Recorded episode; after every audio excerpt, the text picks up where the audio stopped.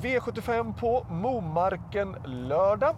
Eh, Momarken är ju känd för att ha ganska så snäva kurvor. Eh, kan vara lite svårt om man har en häst som har lite sämre kurvteknik att ta sig igenom.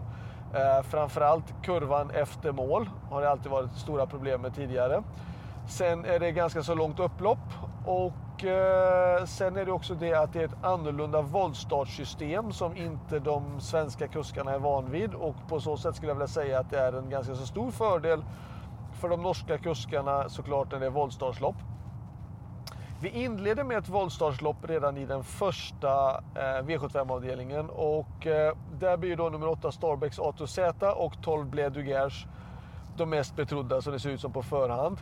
Eh, nu är väl inte 8 Starbecks A to set sådär jättestartsnabb och det är klart att eh, om det, det skulle jag vilja säga att det är ju ett litet eller värt att bevaka i alla fall, beakta den här gången att den inte är så snabb i voltstart och Bledugers står ju bara med 20 meters tillägg till honom. Så att jag rankar ändå loppet som att faktiskt ha 12 Bledugers etta och tänkbar spikförslag såklart eh, i och med att han är den hästen som han är. Men nu är han såklart mycket äldre och vill man inte spika, ja då ska man hitta då, då är såklart 8 Starbecks A to set. Eh, två First In Line EP på den första volten. Eh, tre Floydside Am vill jag ha med såklart, eh, nummer, ett, eller nummer tre. Som har då, eh, är den hästen som är mest intressant på 20 tillägg.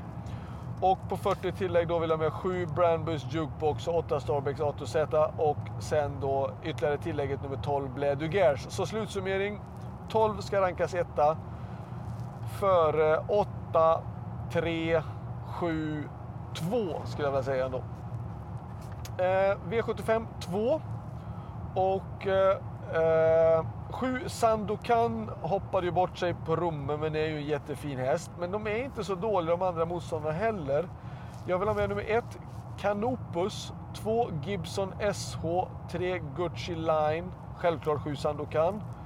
Eh, 11 Future Sox och kanske även nummer 8 Patrick Palema som gjorde en jättebra eh, debut senast och såg väldigt fin ut då. Eh, nu är det såklart den hästen inte van att gå ut och gå på 2640 meter och har dragit spår 8 bakom bilen och det drar ju ner eller ifrågasätter ju lite grann i alla fall såklart. Eh, både spåret och distansen. Men årsdebuten var fantastiskt fin. Så att 1, 2, 3, 7, 8 och 11 är de som ja, ska med ändå kanske. Eh, V75 3. Eh, jag tror faktiskt att nummer 6, A Perfect Duchess, eh, vinner det här loppet. Det kan bli en rejäl körning och eh, det låter positivt på den här då, nummer 6, A Perfect Duchess. Värst emot tycker jag 1 Skate Tricks, 2 The Baron, 4 Red Hot Roadster, kanske 5 Ian BR. 7 Estrange, men har ju ändå ett tråkigt utgångsläge och likadant med 8 Gentletron. Um, ehm, den hästen som såg jättefin ut senast, men har ju då dragit ett bakspår eh, på 1640 meter och det är nummer 11 Castor the Star som såg jättefin ut när han vann på Örebro.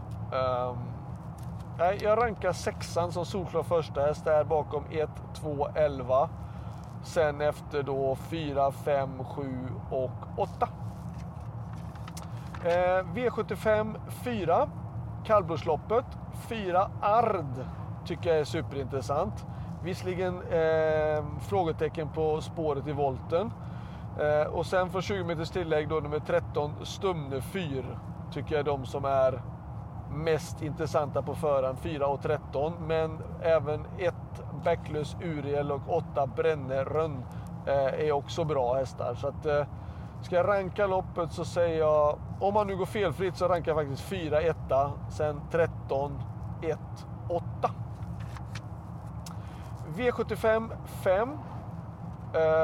1 Kashmina BR har jag läst mig att jag skulle gå barfota. Kan jag tycka att det är superintressant. 2 Ballerina Indica och 6 Infinity Sisu är de som jag tycker är mest intressant på förhand. Så 1, 2 och 6 i den femte avdelningen. I den sjätte avdelningen så tror jag att nummer två Stolder Show vinner loppet. Eller han bör vinna loppet. Han har ändå varit med i VM-loppet. Han gjorde en fantastisk säsong förra året. Tjänade 4,7 miljoner och var jätteduktig. Uh, han möter inte alls sådana hästar den här gången utan han ska normalt sett uh, vinna det här loppet. Värst emot, ja, jag tycker att 3 Seven Nation Army besitter ju jättehög fartresurs som man får rätta loppet.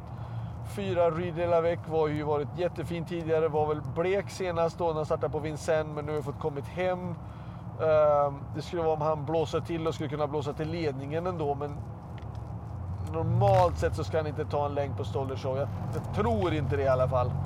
Ehm, sen 5 Sam the Man är på väg in i form. Han går alltid bra i mars, mars april, maj månad. Brukar han alltid gå jättebra. Eh, Så han är på väg in i form. Han såg jättefin ut. Han har tränat bra i Frankrike innan och såg jättefin ut när han startade sist. Så det kan vara intressant eh, om man vill ha lite luringar. Med sen 7 Dark Roadster kan ju, men ska han vinna guldvisionen från spår 7 mot Stolder Show? Eh, jag tror det kan vara lite tufft ändå. Nej, spikförslag antagligen då. Två Stole the Show. Och sen då i den sista V75-avdelningen. Eh, eh, nummer fyra, Tai Targaray har jag hört väldigt positivt om. Eh, snacket är om att det ska vara en riktigt bra chans från Stallhamre. Eh, två Mercenary är ju bra, likadant nummer sju Kentucky Lobel eh, och 12 Keystone Cash. Men för mig så rankar jag loppet 4, 1, där bakom då 2, 7 och 12. Så det var allt. Lycka till så hörs vi igen nästa vecka. Då är det Solvalla som gäller. Ha det bra. Hej då!